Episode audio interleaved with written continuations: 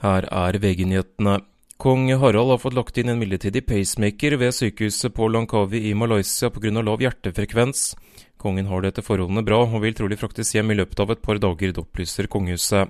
Kvinnen i 40-årene som er siktet for å ha drept sin far på Sandåker i Oslo torsdag, varetektsfengsles i fire uker. Oslo tingrett begrunner fengslingen med hensyn til gjentagelsesfare, det melder TV 2. Kvinnen har ikke tatt stilling til siktelsen. Havarikommisjonen undersøker nå vraket av helikopteret som styrtet i sjøen utenfor Sotra onsdag kveld, det skriver Bergens Tidende. En person omkom i helikopterstyrten. Årsaken til ulykken er fortsatt ikke kjent. Skandinavisk snuskultur er i ferd med å spre seg til andre deler av verden. Det får myndighetene til å reagere. England, Australia, USA, Frankrike og Albania er blant landene der myndighetene nå vurderer tiltak mot økende snusbruk. Dette har spredd seg veldig fort, sier tobakksforsker Karl Erik Lund til VG. Reporter Thomas Alsaker.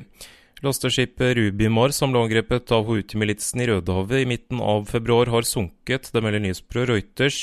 Skipet ble forlatt etter angrepet da det tok inn vann. Angrepet forårsaket også et større oljeutslipp i Rødehavet.